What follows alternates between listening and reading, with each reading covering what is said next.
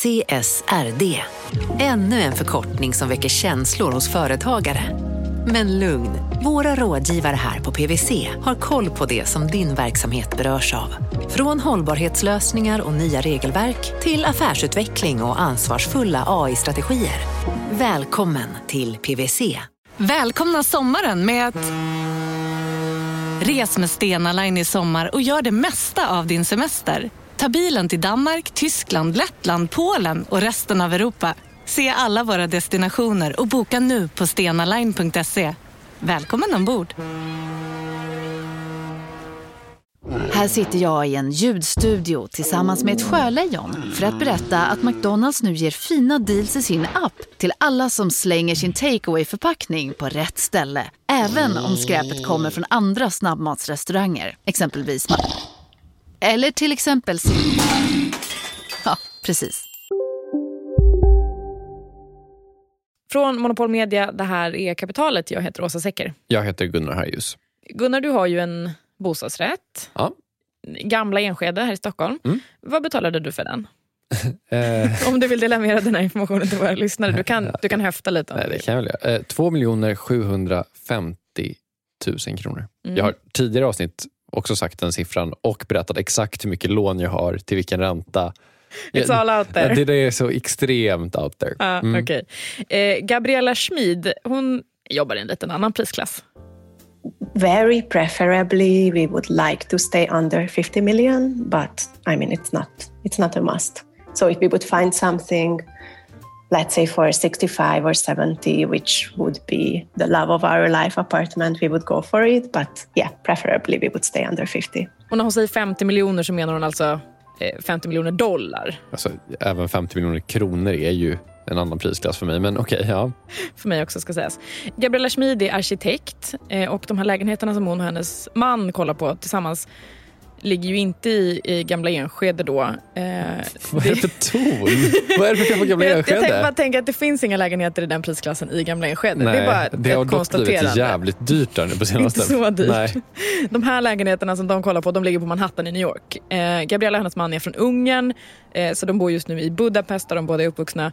Eh, Gabriellas man är konsthandlare och eh, antikvarie och gör väldigt mycket affärer i New York. So basically it just like makes more sense for us to be there because he just did a bit too much of um, traveling back and forth of course not in the past one year but before that Gabriella är visserligen utbildad arkitekt, hon har pluggat ganska mycket utomlands och så. Men hon jobbar inte som det just nu. I don't know. I didn't like those offices I was working for, so I, I just basically stopped working for now. Or I'm also like with our young child, but also kind of like working in my husband's um, business a bit. Och när de flyttar till New York, vilket de alltså ska göra inom kort, eh, så har Gabriella tänkt att hon ska lägga ganska mycket av sin tid på den här nya lägenheten. And I would also really like to make it my personal project to to accommodate all our needs in that. So decorate it, um, refurbish it a bit. Also, the interior design is not always to exactly to our taste, so we surely will have to get rid of, unfortunately, of all of these newly built um, marble structures. You don't like marble? I like marble, but sometimes the type of like veins that are in the marble in these apartments are not my favorite. So I would prefer to bring our own marble. Usually they use Siberian or Italian marbles in these places. I prefer some American ones sometimes. So depends on each piece basically. But yeah, I, I'm quite specific about that, I guess. Även jag har ju ganska så specifik marmorsmak. Det gäller ju att ha det tycker jag. Absolut. Det känns ju liksom spontant då som att ja, men, cash är inte problemet för Gabriella och hennes man. Liksom. Vad är det de kollar på lite mer specifikt? Alltså, vad får man för 50 mil? so in New York, there's this kind of like new phenomena, these like super high rise towers. Um, basically, our preference is something around the Central Park, both because we love the views on the Central Park um, and because like many of the other antiquarian businesses are around.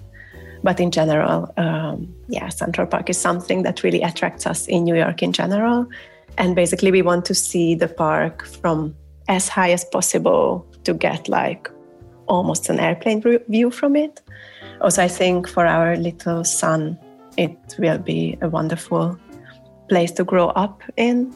Jag vet inte hur bekant du är med det som kallas för Billionaires Row. Direkt obekant faktiskt. Låt mig berätta mer för dig.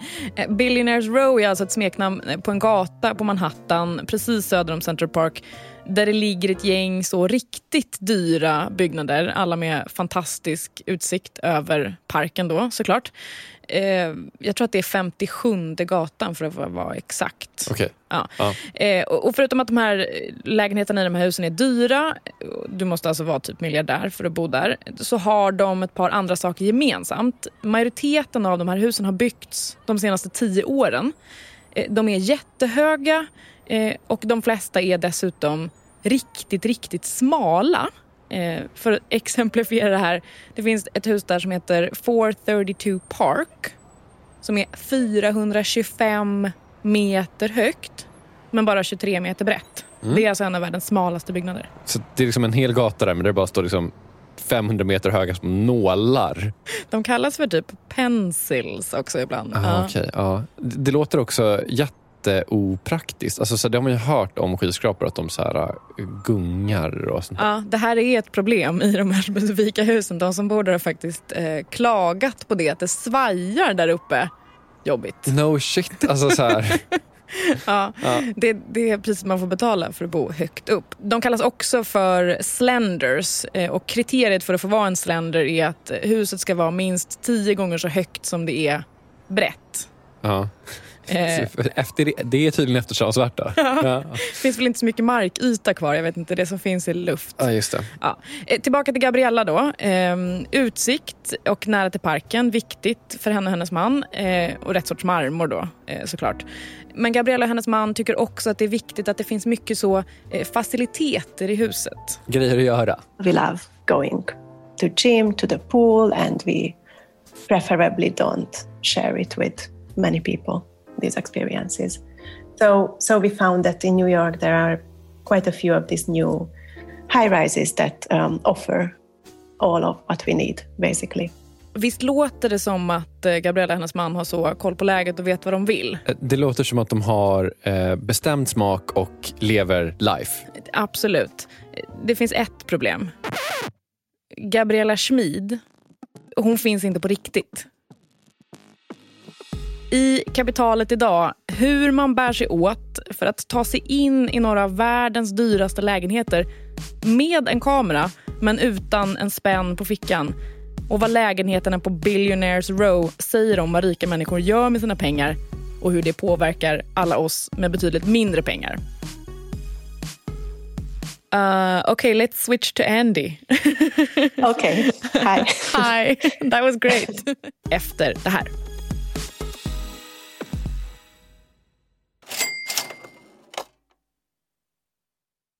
Vi sponsras av Storbrand Asset Management som ju förvaltar över 1000 miljarder norska kronor, bland annat för SPPs eh, många pensionssparare. För två år sedan så investerade Storbrand i drygt 60 tåg, alltså tågvagnar, eh, som rullar mellan London och Skottland. De leasar sedan de här tågvagnarna till tågoperatören som alltså kör tågen och säljer biljetter och sånt eh, med ett avtal på 27 år. Så britterna får nya fina tåg och storbrandskunder, eh, däribland alltså SPPs pensionssparare, får en inflationsskyddad avkastning med låga risker under lång tid. Det här är ett av supermånga exempel på hur pensionskapitalet i växande omfattning bidrar till att bygga samhället och inte minst till att klara klimatmålen. Det behövs elproduktion, elnät, batteriparker, nya transportlösningar och allt möjligt. Bara i Europa antas investeringsbehovet för att klara klimatmålen uppgå till tusentals miljarder dollar. Och det här är ju pengar som ganska ofta saknas i statsbudgetarna. Däremot är det här pengar som pensionsbolagen kan vara med eh, och stoppa in, vilket ger pensionsspararna en fin avkastning under lång tid samtidigt som man är med och ställer om samhället. Vi har gjort ett helt avsnitt om det här eh, som man kan lyssna på. Det publiceras här i Kapitalet i mitten av maj. Ratta gärna in det om ni vill lära er mer om hur det här funkar. Men tack säger vi till Storbrand Asset Management som ju investerar i alla tänkbara tillgångslag, bland annat för pensionsbolaget SPP. Och tillsammans försöker ju vi, Storbrand och SPP, öka medvetenheten om hur pensionerna funkar och vilken roll pensionerna spelar i samhället och i ekonomin.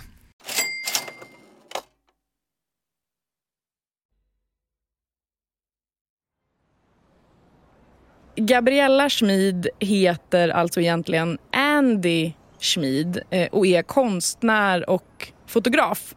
Och hösten 2016 så var hon i New York i tre månader på ett sånt, jag vet inte vad man säger på svenska, sån artist residency program. And just like absolutely any tourist would go up to the Empire State Building, I also went up there and just like anyone else, I was like photographing the views and I was really, really fascinated with it. And also with this like fact that you have this like crazy overview from above of the city. And as I was like standing there, I kind of like looked around and saw around myself quite a few buildings that are kind of as high or even higher than the Empire State Building. And I started to wonder that what's happening in those buildings um, and if there's someone actually living there, if there's someone right now standing there and looking at us, or how are those buildings? And I was really also wondering how the view might be from those places. Det är ju lite speciellt i New York för att det finns ju massor av skyskrapor. Det är lite deras grej. Ja. Har varit ett tag. Eh, Men det är bara ett väldigt litet antal, alltså typ tre, fyra stycken eh, av de här som vem som helst kan åka upp i. Alltså typ Empire State kan man ju betala så får man åka Ja. upp och, och kolla. Rockefeller också. Ja, Ja. exakt. Men om du vill blicka ut över Central Park, eh, som ju är rätt fint, då är den utsikten inte tillgänglig för allmänheten. Precis, för att få se dem så måste man upp i de här byggnaderna som Andy får syn på när hon står eh, i Empire State. Exakt. So I started to slowly list all the buildings that I wanted to get into. Och ganska snart så inser hon att All of these buildings are luxury residential high rise buildings, and actually, most of them are built in the last decade. Och Det är det som är det här då, Billionaires Row som vi pratar om. Ja, exakt. Eh, Och Andy som alltså är fotograf och konstnär och väldigt gärna vill fotografera utsikten från de här lägenheterna. Hon börjar ju då fundera på så här, hur ska jag bära mig åt för att bli insläppt där? Eh, och till slut så landar hon i att det enda sättet är to fake that I would like to purchase or rent an apartment in any of these buildings. And basically, with this way, I got access immediately. Kul. Eh, men, men det känns ändå som vi måste bryta ner det här lite grann. Alltså, det här kräver ju en hel del förberedelser, tänker jag. Alltså, det känns inte som jag kan ringa och bara så här, I'm a Swedish podcast producer who would like to buy great penthouse. Och de bara så här, ja, kom in, kom upp på våning 700 och så får du kolla. Ta med en bandare. Nej, eh, Andy var ju tvungen att eh, skapa ett eh, alter ego. Miljardärs alter egot Gabriella. Eh, miljardärs alter ego Gabriella. Hon började med de mest eh, fundamentala bitarna, eh, sitt namn till exempel. The way I went in was that I used my second name instead of my first name, and I used my real surname. It basically, I just switched my first name so they cannot really Google me. Alltså, jag fattar att det skulle kunna bli problem om man googlar och så får man upp liksom en ungersk konstnär. Nu vet inte jag hur hon ser ut, men, men jag gissar att hon inte ser ut som en miljardär. Hon ser helt vanlig ut. ja, okej, ja. Men är det inte ändå lite suspekt att hon inte går att googla alls? I am not sure if it's suspicious. Apparently, it's like very common um, in this like ultra wealthy universe to kind of make yourself totally invisible as much as possible on the Google if you're obviously not a politician or like not dealing with something bigger. Dessutom så verkade det faktiskt inte spela så stor roll om hon gick och googlade. Eh, för det var ju inte hon som var viktig. And in their eyes, I was kind of like just a wife. Det här är ju såklart jättesjukt, men det var väl också så att hon var tvungen att, var hon tvungen att uppfinna hennes man också? Eller hon kanske har en man som är miljardär, eller? I faked a husband. I mean, like I, I took a friend of mine who is not a billionaire in no ways, but he has a few businesses which could look like that it has like enough money for something like this, or at least it could be imagined that he's coming from a good enough family or anything like that. Eh, Den här kompisen, jag tror han heter Zoltan om jag inte minns fel, eh, var såklart med på det här. Eh, Och de använde ju då hans riktiga namn så att det skulle gå att, googla. Och han är då med på att om det ringer någon så liksom spelar han med och säger att ja men absolut, Gabriella Schmid är min partner. Det här är faktiskt en intressant detalj för hon sa aldrig att de var gifta. För det är ju en sån här grej som eventuellt går att kolla upp. Det kan ju så vara registrerat hos jag vet inte, Ungerns mm. Skatteverket eller något. Smart. Och det eh, funkade? Ja, det funkade. Alltså, det här är ju så sjukt egentligen. För att okej, okay, han hade en massa snygga hemsidor men det är ju ingen som kollar att han faktiskt har den här typen av pengar. Eh, till skillnad då från om man som så vanlig dödlig medelklassperson i New York ska hyra en lägenhet, då blir man ju fullständigt söndergranskad. If you pretend to have a lot of money then you're more trustworthy when you just pretend to have a little more than what you actually have. Ska man ljuga så ska man ljuga ordentligt. Är det ja. det som är... Ja. ja, det är det som är lärdomen här. Ja. Okej, men vad gjorde hon mer då för att bygga liksom karaktären Gabriella? Jo, men eh, hon var ju tvungen att eh, se ut som någon som kan köpa en lägenhet för 50 miljoner dollar. Oh. Eller i alla fall se ut som någon som har en partner som kan köpa en lägenhet för 50 miljoner dollar. I spent all my budget that I got for this art residency on clothes. I um, went to this like manicure and pedicure and like makeup and made my hair every day stuff that i don't usually do or like yeah i think it was my first experience in a nail salon I, I mean i didn't do any extravagant i was kind of like opting for this like um, sophisticated lady helt rätt väg att gå känner jag. Vad har man på sig som sophisticated lady? I just bought two absolutely like full outfit from necklaces to bags and shoes in COS, which kind of like in my eyes look like like it could be anything. It could be very cheap, it could be very expensive. It, it's kind of like you cannot really tell what kind of clothes that is. Men ju fler visningar hon bokade in, desto mer kläder var hon ju tvungen att ha. För att det är väl så här, liksom mäklarfirmor, man kan ju då råka träffa samma agent två gånger. Och Fredrik Eklund kommer ihåg vad du har på dig? Nej men alltså det är ju så no-go i den här världen. Du ja. kan inte ha samma kläder på dig två gånger. Nej. Eh, så att då hade hon liksom kanske inte råd att fortsätta gå och handla på Koss utan då gick hon i sådana speciella vintagebutiker som finns i New York. Och om någon då frågade vad hon hade på sig, vilket de gjorde ganska ofta, för det gör man. Mm -hmm. så sa hon att det var, ja, men det var någon ungersk designer liksom, som de inte hade hört talas om. Ja, och då får man inga följdfrågor för att vem vill visa sig okunnig kring ungersk kontemporär design? Liksom. Exakt. Mm. exakt. Um, men efter ett tag, hon blev väl lite mer bara bekväm med den här rollen och, och efter ett tag så släppte hon liksom på det där med kläderna och började också använda sina vanliga kläder. Och det visade sig också gå alldeles utmärkt. Alltså, det är väl någonting med det där tycker jag. Alltså, så här, är du tillräckligt rik så kan du liksom se ut hur fan som helst. Alltså, det är någon slags rikemansparadox. Så här, typ, um, jag har en kompis som bor i uh, Los Angeles och han så här, nej, men om det sitter någon på restaurang i typ morgonrock och tofflor, då vet man att det här är en sån fucking big shot. Att så här, uh, exakt, exakt. uh, okay, så här, hon fixar namnet, mannen, naglarna, kläderna och sen så går hon på visning. I was super nervous at the first one. Yes, really, really nervous. I came uh, from this like um, Brooklyn basement apartment where I was living during the residency in this like full makeup outfit. And I just hopped on the metro. People were kind of like looking at me strange. I was a bit out of place, I think. And then as I got off the metro, somewhere near the um, one, the World Trade Center area. Um, I hopped in a taxi. It's, it was an apartment in Tribeca, so I kind of like went like maybe 200 meters with the taxi Vilket skulle visa sig vara helt i onödan då för att personerna som hon skulle träffa stod ju liksom inte ute på trottoaren och väntade på henne utan de var ju inne i byggnaden så det var ingen som såg att hon kom med taxi. So the taxi didn't impress anyone but at least it kind of like put me in the mood of arriving with a taxi which was kind of like good. Det där är för ett gott råd. Kom till viktiga möten i taxi. Man har liksom en jävla härligt svung i steget då. Plus att man känner sig, man sträcker lite på sig. Ja, verkligen. Ja. Ja, rekommenderar. Och eh, på den här första visningen då, eh, oftast är det ju så mäklare och agenter och vad de kallas. Men, men på den första visningen så var det faktiskt eh, kvinnan som ägde huset som skulle, som skulle visa Andy då, eller Gabriella. Eh, så det blir liksom ett lite mer personligt möte än med en fastighetsmäklare. Det blir lite mer... Millionaire to a millionaire kind of like conversation. Miljonär till miljonär. Eh, så finns det mycket man kan prata om lite mer så chit-chattigt. Liksom.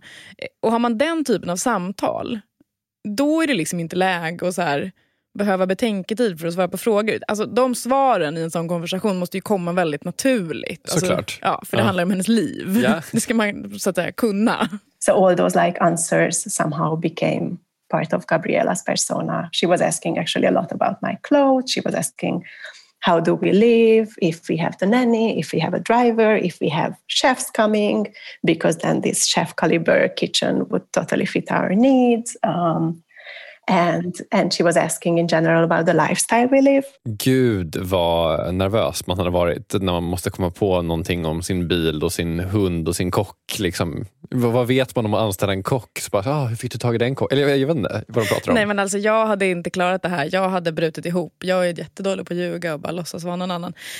Jag tror att Andy hade en ganska bra strategi här. Och jag, jag tror att det är det här de lär ut i så spionfilmer när de ska lära någon att klara ett lögndetektortest. Och det är att man ska så här, man ska liksom tro att det man säger är sant. Och, och det man säger ska vara så sant som möjligt. Det ska, det, ska, det ska finnas ett uns sanning i det för då har man liksom en, en sann bas att bygga Ja. en, en, en falsk överbyggnad på. Liksom. Ja men exakt. Och jag menar, hon, hon har ingen nanny och chaufför och sådär, det är ju rena lögner. Men när det handlade om så här, vad hon tyckte om saker och sådär så försökte hon typ vara rätt ärlig.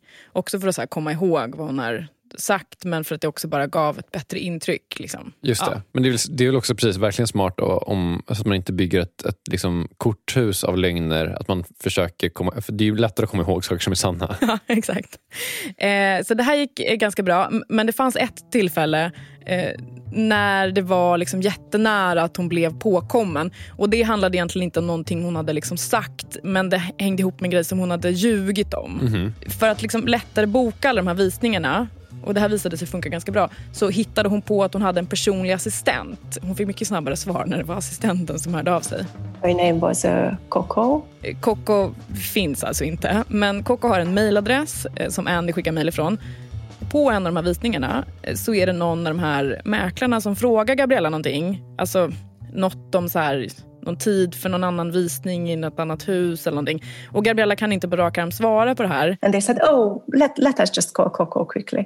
Ah, Panik! Eh, för att alltså, de har ju Cocos telefonnummer och Cocos telefonnummer är ju Andys telefonnummer och Andys telefon ligger ju i Gabriellas väska då. oh, för fan. Ja, och de står här i den här lägenheten. Men jag hade fått panik totalt, typ sprungit därifrån. Eh, Men Andy visade sig är rätt snabbtänkt. I mean, the good thing was that it was like, let's say, 5 p.m. New York time. So I could just say that don't call her, she's sleeping, or she's at 11 p.m. in Budapest. Jag hade lite lättnad där. Ja. Nu kommer vi till det som jag nästan tycker är roligast med allt det här. Alltså nämligen lägenheterna i sig.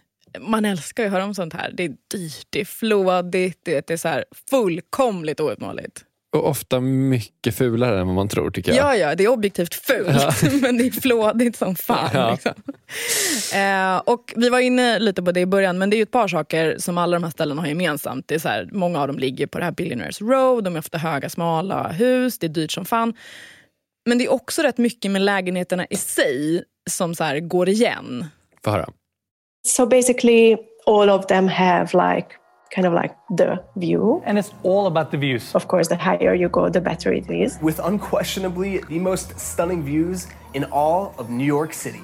And literally, as you enter the apartment, you're facing your living room, which is which has the massive view with the floor-to-ceiling windows. Usually, As soon as you walk in, you're head head on with the incredible views of the Central Park. um, this view is obviously like if you're near the Central Park, it's the Central Park. If you're near downtown, then it's um, let's say the One World Trade Center or the Hudson River. If you're a bit higher up, then it's the Empire State Building. Wherever you are, it's kind of like the view. the window surrounds you. And that experience on the 40, 50, 60 floor is unique. There's nothing like it. Then you have a second best view, which is always the master bedroom. Um, then you have two bathrooms, usually within the master bedroom, which also has beautiful views. Um, one of them is her bathroom, the other one is his bathroom. And of course, a separate, oversized shower with a perfect view of One World Trade Center as you are scrubbing down. And there you have this like very kind of like cliche, almost like meme image of luxury, which is this like soaking tub It's like freestanding soaking tub along the glass windows. I think this has to be the nicest soaking tub in Manhattan. And then, just like for example, the kitchen is always the same. Like it's a marble countertop. Marble countertops. In like with a kitchen island in the middle. Polished mercury black marble on the island. Like really, it's kind of like always everything the same. Utsikten är rätt eh, key här som man förstår. Och då det här fristående badkaret och eh, mycket marmor. Men all den här utsikten skapar faktiskt också ett problem. Problem inom citationstecken. eh, för att ska du ha skit mycket utsikt överallt det bygger på att du har jättestora fönster. Eh, nästan alla de här lägenheterna har såna här fönster liksom som går helt från golv till tak i typ Mhm. alla rum. Berätta för mig hur eh, utsikt golv till tak är ett jättestort problem för de här människorna. Jo, men alltså det som du förlorar om du har jättestora fönster, det är ju väggyta. Eh, och har du inga bra väggytor, var ska du hänga din dyra konst? Åh nej, ja, vad ska man hänga sin dyra konst? Jag bara kände att det här är ett problem. So they always make also sure to um, build what they call the gallery wall and the sculpture corridor. Ja, Det är klart de har en gallery wall. Bra löst. Mycket bra läst. Okej, alla de här lägenheterna har jättemycket utsikt, fristående badkar, jättemycket marmor som man är lite specific about. Kanske är den sibirisk, kanske är den amerikansk. Och sen så finns det också då liksom en, en vägg specifikt byggd för att ha konst på. Mm, exakt. Eh, och sen så har alla de här lägenheterna en sak till.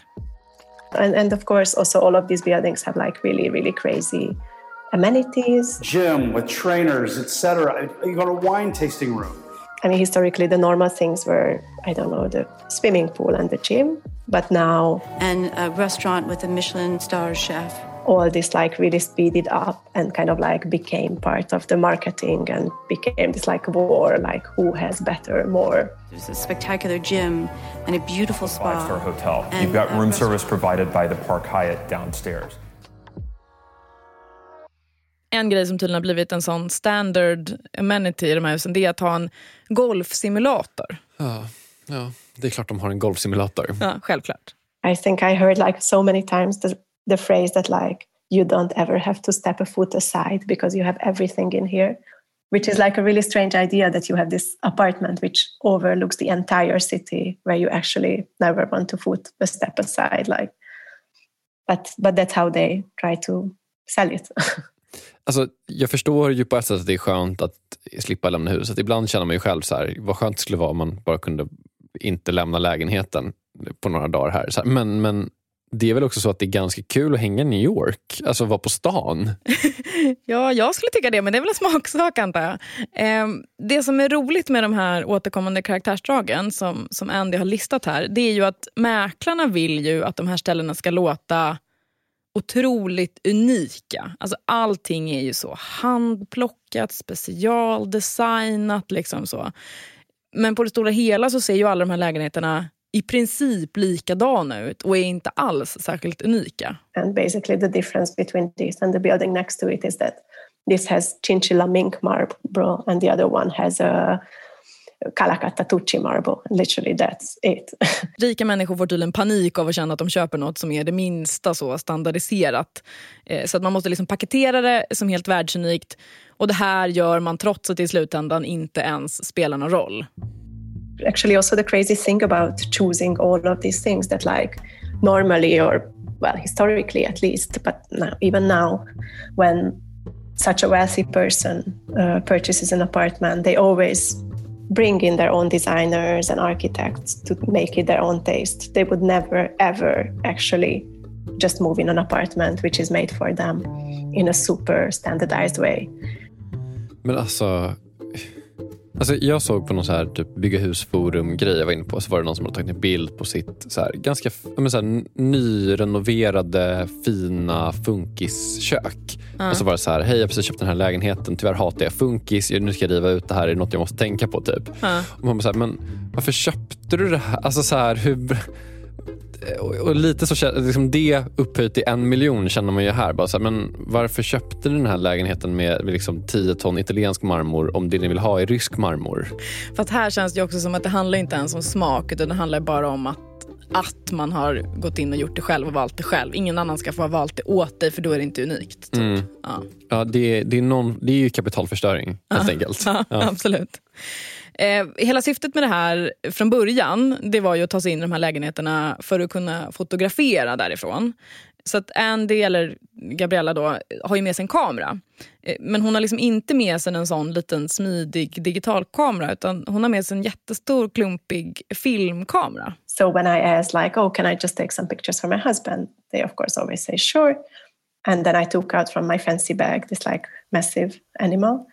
And then I, I think I just said that, like, oh, it's from my grandfather who gave it to me to record special moments. And with these kind of like explanations, kind of like everything goes, I just, I guess, gonna go in this like category of a weird millionaire. Så det rullar på. Andy går på visningar, hon fotar filmar och ställer frågor och blir ganska bekväm i rollen som Gabriella. Men efter ett tag, och det här är kanske svårt att tro, men efter ett tag så blir de här liksom fantastiska lägenheterna, de här oslagbara utsikterna, det blev liksom mindre och mindre intressant. Eller så här, ja, hon blir lite avtrubbad kan man säga.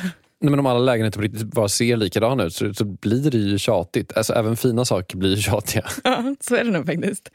Eh, och istället för att imponeras av utsikten då, eh, så blev hon efter ett tag intresserad av någonting annat. from the views and from this like pictures I wanted to take, it became really this like uh, massive thing that I, I realized how this whole real estate market and this like luxury real estate market works and that kind of became more interesting for me than the views themselves Mindre marmor och mer om hur lyxlägenhetsmarknaden funkar efter det här.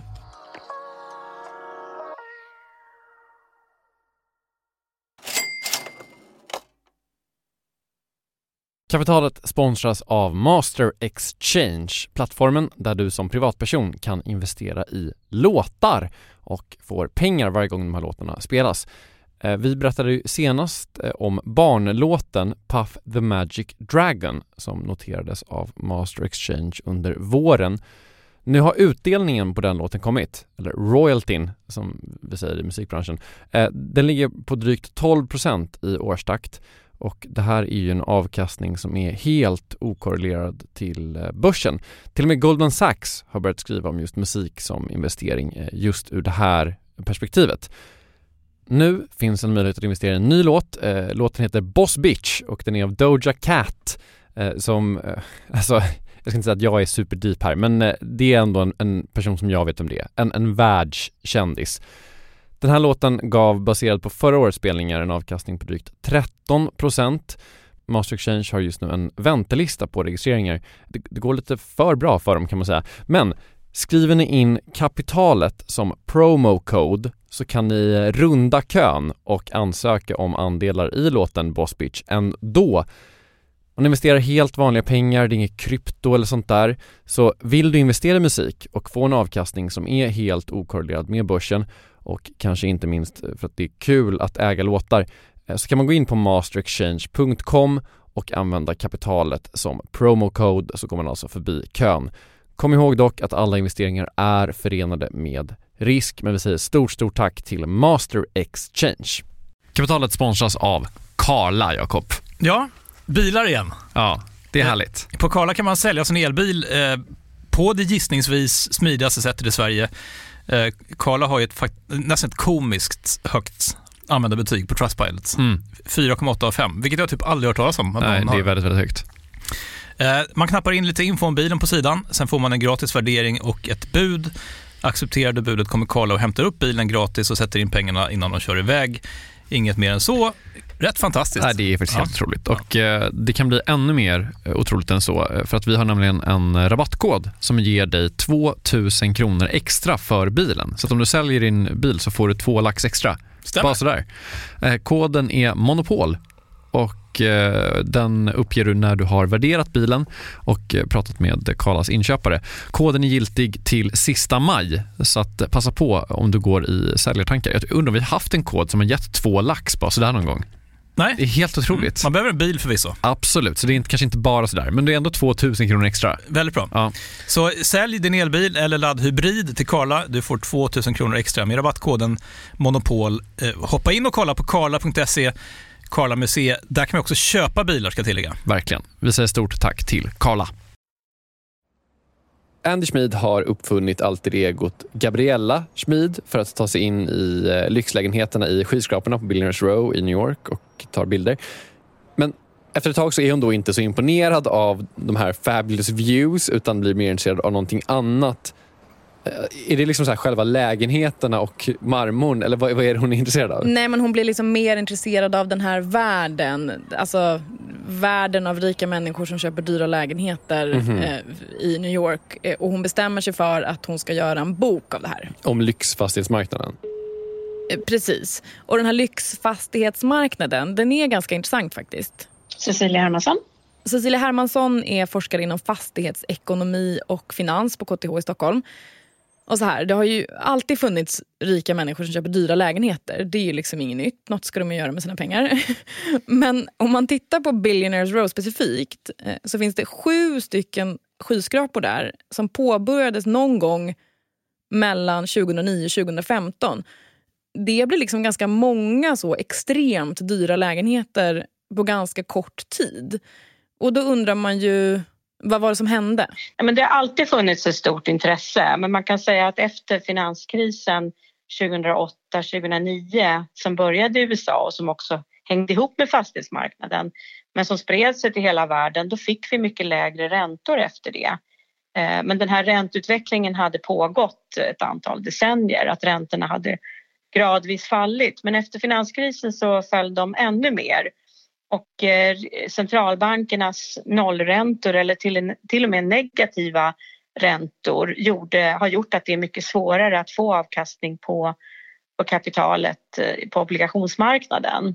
Och då söker man sig till aktiemarknaden eller fastighetsmarknaden. Och det kan man säga startade och blev ännu mera viktigt för eh, de som sparar just efter finanskrisen. Det är den här eviga jakten på avkastning när liksom man inte kan få pengar av att ha pengar på ett konto bara. Ja, den är verkligen evig. Då kan du lika gärna köpa, jag vet inte, guld NFT. eller... Ja, exakt, ja verkligen. Är också- Nu gör de ju det. Nu var det någon som köpte för 69 miljoner. Exakt. Och det här är såklart ingenting som bara pågår i USA. Ja, det har ju blivit en global marknad när det gäller fastigheter så det är, behöver absolut inte vara amerikaner utan det kan vara väldigt välbeställda personer från olika håll i världen. Inte minst Ryssland, Mellanöstern, Indien, Europa, Kina. Så att det, det finns eh, det kommer personer från olika håll i världen som har väldigt mycket pengar och som vill satsa dem i fastigheter. Jag försökte hitta lite så färska siffror på hur stor andel av de här lägenheterna som säljs till utländska köpare. Och jag hittade faktiskt ingenting från så de senaste åren. Men för typ fem år sedan så var det runt 30 procent eller lite mer eh, som såldes till utländska köpare. Och de här lägenheterna, de behandlas ju i princip som bankfack kan man säga. Man köper liksom en lägenhet för att man behöver stoppa in pengarna i typ något och sen så fyller man de här lägenheterna med typ dyr konst som man aldrig kommer se. Exakt, exakt så. Eh, sen ska sägas finns det också massa historier om att det här är ett så sofistikerat sätt att tvätta pengar. Okej. Men jag tänker att vi går inte in på det här. Ehm, men så här har det väl alltid varit kan man tänka. Rika människor köper lägenheter runt om i världen för att de, ja, jag vet inte, för att de kan. Eh, men grejen är att människor som köper lägenheter i den här prisklassen, de köper ju inte en lägenhet. De köper i snitt eh, fem lägenheter. Ja, men vad bra. Mm, toppen. eh, och det här betyder ju att de inte kommer att vara i minst fyra av de här i taget. Nej, just det. Ja. eh, Och det betyder ju då att en massa svindyra lägenheter kommer att stå tomma. Eh, enligt statistik från US Census Bureau, det är väl alltså typ eh, amerikanska SCB, eh, så var det 60 procent av lägenheterna i ett 14 kvarter stort område på Manhattan som stod tomma i så hela säsonger mellan 2013 och 2017. Lite skönt ändå så här, nu bor jag i den här 90 våningar höga skyskrapan och precis just nu är det bara jag som är här. Man slipper i alla fall dela hiss. Ja, exakt. Jätteskönt om man Ja. ändå ska uppleva så här, ja, det tar ju några minuter. Alltså för att dela hiss med en total främling i, alltså, kan, alltså, de kanske är superhissar också. Det är ju superhissar såklart, men Ah. det tar ju ändå en stund. Mm. Går inte att komma ifrån. Nej. Ja, jag tycker också att det skulle kunna klassas som en fördel. Eh, Men eh, att det är så mycket som står tomt får ju såklart också andra konsekvenser. Man kan väl säga att om du får, som vi har sett nu till exempel i New York, där du får väldigt många lägenheter som står tomma därför att man äger de här, men man bor inte där, så kan det ju påverka hur de här eh, områdena i städerna utvecklas. Det kan bli ganska döda platser, ganska tråkiga platser. Och det här har ett namn. Det kallas för zombieurbanism. Ja, men jag, jag skulle säga så här att städer har ofta utvecklats ändå genom att man har fullt med liv och det har varit verksamhet och det är det som attraherar de som vill flytta in där, turister och andra. Så att det liksom händer mycket. Det är ett surr av verksamhet. En, en, och, och, och när du får då den här typen av platser så blir det ju inte lika attraktivt på sikt.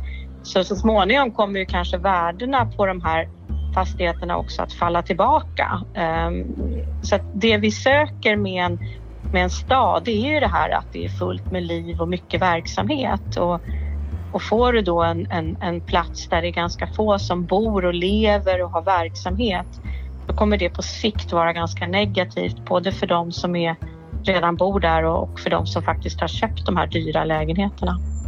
Alltså, det är väl nästan liksom, definitionen av en stad, att det är lite så, typ liv och rörelse. Annars skulle man ju liksom, i teorin kunna bo på landet, om man ska vara lite krass. Ja, alltså särskilt i New York som då ska föreställa vara den här staden som citat aldrig sover. Just det. Ja. Mm. Men det här är ju liksom en så ständig diskussion på olika sätt. Alltså även här i Stockholm där folk då köper med våra mått mätt relativt dyra lägenheter mitt i stan och sen börjar klaga på högljudda barer i samma byggnad och så vidare. Ja. Alltså det handlar ju om vad man vill att en stad ska vara. Vad vill vi ha för städer? Vad förväntar man sig av en stad? Mm. Jag kan säga att Kapitalet är en, en liksom politiskt obunden podd. Men i frågan kring köpa en lägenhet och klaga på att det är en högljudd bar, där tar vi ställning. Där tar vi ställning. För baren alltså, så att det inte råder några tveksamheter. Ehm, men de här jättehöga, dyra skyskraporna längs med Billionaires Row eh, har faktiskt också en annan effekt, förutom att de typ står tomma och allt vad det innebär. De skuggar. Alltså fysiskt. Ja, fysiskt. Och bara så att vi ska förstå hur mycket de skuggar. Längs med södra änden av Central Park, typ tre kvarter från där parken börjar, så står det alltså just nu fem stycken skyskrapor, varav tre är över 400 meter höga. De andra två är 300 respektive 200 meter. Och skuggorna från de här husen, de når en tredjedel in i Central Park. Och Central Park är en jättepark. Det är en jättepark, jag tror att den är fyra kilometer lång och de här skuggorna är alltså över en kilometer långa. Det är sjukt. Det här då i kombination med eh, lägre, mycket bredare byggnader som står precis i kanten med parken. Det gör att liksom södra delen av Central Park, vissa delar av året, är helt i skugga. Jag förstår att de här människorna kanske liksom inte tänker på det sättet. att Typ så här, nu flyttar jag in i den här lägenheten som skuggar parken. Att det liksom inte är deras avsikt. Men, men det borde väl ändå vara så typ att någon gång har det typ fattat ett beslut om det här. Är alla bara så här fine med att nu är, nu är det skugga här?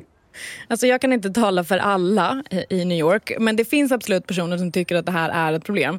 and I looked up, and it was a shadow from the same building. Uh, how'd that happen? Dels för att det faktiskt påverkar så växtligheten och djurlivet i, i Central Park. Dels för att vi som människor, surprise, behöver ljus. Eh, De som jobbar aktivt med att få staden att tänka mer på de här grejerna eh, kallar sig såklart för sunshine activists. Såklart. Mm. This. this is blotting out the sunshine in the premier park, certainly in New York City, maybe the world. Um, where was the outcry? Känns samtida. Ja, det är samtida men det är också gammalt som gatan. För att de första protesterna mot höga hus som skuggar för mycket i New York, eh, de ägde rum 1915, alltså för över 100 år sedan. Då skulle man bygga något som hette The Equitable Building. Det skulle bli 150 meter högt och kasta en skugga som var, tror jag vi räknade ut, fyra fotbollsplaner stor ungefär. Det är stort. Det är stort. Ja. Eh, och lite mer nyligen, 1987, så anordnades det en ganska så avancerad protest i Central Park. Då var det flera hundra personer som ställde sig på en lång rad från väst till öst genom parken. Och så fällde de upp svarta paraplyer i takt med att en då framtida skugga för ett planerat hus förflyttade sig Mhm. genom parken. Ja, du hör ju, det har varit rabalder kring skuggorna. Och skuggfri yta är numera hårdvaluta i stan då. Absolut. Först var det NFT och sen var det skuggfri yta som man kunde kränga och tjäna Ja. pengar på. Eh, anledningen till att de här höga husen får byggas utan att de som faktiskt bor i de här kvarteren får vara med och tycka till det är en så jättekomplicerad historia av så kryphål i olika detaljplaneringslagar. Ja. Ja, det hade vi behöver inte gå in på det. Nej. Men eh, med de här effekterna då, tomma kvarter, långa skuggor och så vidare, så blir ju nästa fråga, är det här en helt ostoppbar utveckling så bortom all kontroll? Alltså kommer det fortsätta byggas höga hus som folk betalar sanslösa summor för och sen inte bor i? Nej, men jag tror absolut att det finns möjlighet att påverka i vilken mån man ska kunna ha fyra, fem lägenheter som man inte bor i. Det går ju att göra någon form av reglering där man säger att eh, precis som vi har här i Sverige egentligen i bostadsföreningar så, så ska du ju köpa den för att bo där. Nu går inte det alltid att eh, veta och undersöka och följa upp. Eh, men tanken är ju sådan i alla fall. Och, så där kan man ju bli hårdare i hur man reglerar marknaden. Så att visst kan, kan staden vara med och planera sin utveckling och både reglera och avreglera för att få den stad man vill ha.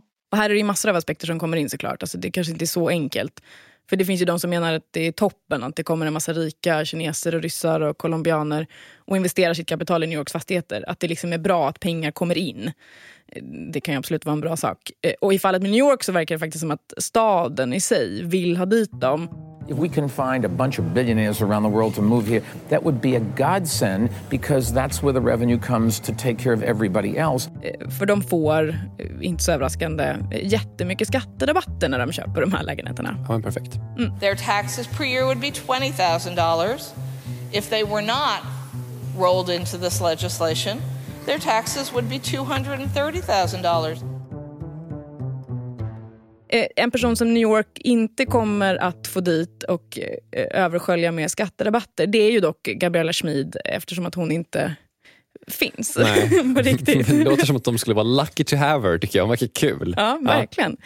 Eh, men en sak som jag undrade, eh, och det kanske är för att jag är journalist och inte konstnär. Eller är jag konstnär? Va? Bra fråga. Ja. Ja, bra Ja. fråga.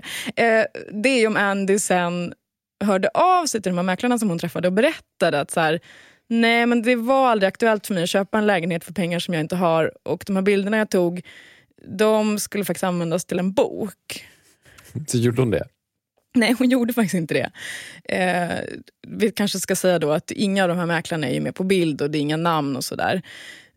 Men däremot så var det en massa andra mäklare som hörde av sig till Andy. 40 of them, maybe, like really a lot. But all of them said that they loved the project. Gud vad oväntat. Varför gillar de det? So one of them, for example, said that that uh, she always feels weird that she has the access to these views and that she shows it to so little people, but that it's so beautiful up there that she thought that many people should see these and that she's so happy I made this book. So that was her motivation. Another one just said that uh, he's working in it, but he's also like outraged by how the profession works. So it's really somehow triggered something in them. Jag hade nog inte alls trott att det var den reaktionen hon skulle få. Nej, inte jag heller. Nej. Nej. Okej, så vad tror du omdömet blev till slut? Eh, skulle Andy, som ändå har varit inne i alla de här flådiga husen, vilja bo i någon av de här tjusiga lägenheterna? Mm, eh, Andy, nej, det tror jag inte. Myself, surely not. Uh, Gabriella, for sure, yes. No, I, I think it's really alienating from from the universe to to be in there, even for just like short whiles. I cannot even imagine how is it to actually live there. I would I would try it for a few weeks for sure. It's it must be fun, but just as an experiment. Så det kanske blir nästa projekt, att hitta ett sätt att liksom få bo i de här lägenheterna ett tag utan att behöva köpa dem. Eh, Airbnb, antar jag. Ja. Få crowdfunda ihop så här eh, två miljoner för att Airbnb en sån här penthouse i fyra dagar. Ja, svårare än det låter tror jag. Ja. Eh, med det sagt så är kapitalet slut för idag. Jag heter Åsa Secker, du heter? Gunnar Harjus. Andy Schmids bilder har alltså blivit en bok som släpptes nyligen. Den heter Private Views, a high-rise panorama of Manhattan. Och Den är faktiskt helt eh, otrolig. Den innehåller såklart en massa bilder från de här helt sjuka byggnaderna. Men också utdrag ur konversationer som hon har haft med de här mäklarna och essäer av kloka människor. Och såklart en lite längre intervju med Gabriella. Härlig läsning. Härlig läsning. Eh, jag kommer lägga in lite roliga länkar på vår hemsida där man kan läsa mer om de som faktiskt bor i till exempel 432 Park eh, och vad de gnäller på om dagarna. För det finns ju saker att klaga på även om man bor flådigt. Eh, jag kommer också lägga in en, en kul länk till en otrolig interaktiv grej över alla skuggor som faller över Manhattan. Ni hör ju. Rafflande. Rafflande. In på ja. kapitalet.se.